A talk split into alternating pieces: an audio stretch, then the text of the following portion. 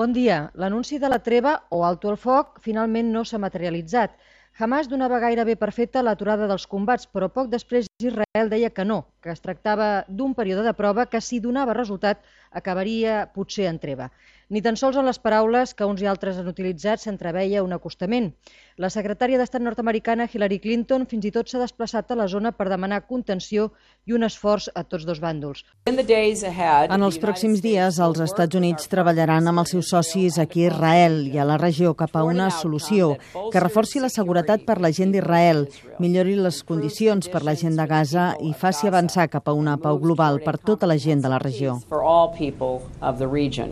Però mentre els diplomàtics parlaven, també ho feien les armes. L'intercanvi de projectils entre Israel i Gaza continuava i feia morts pels uns i pels altres.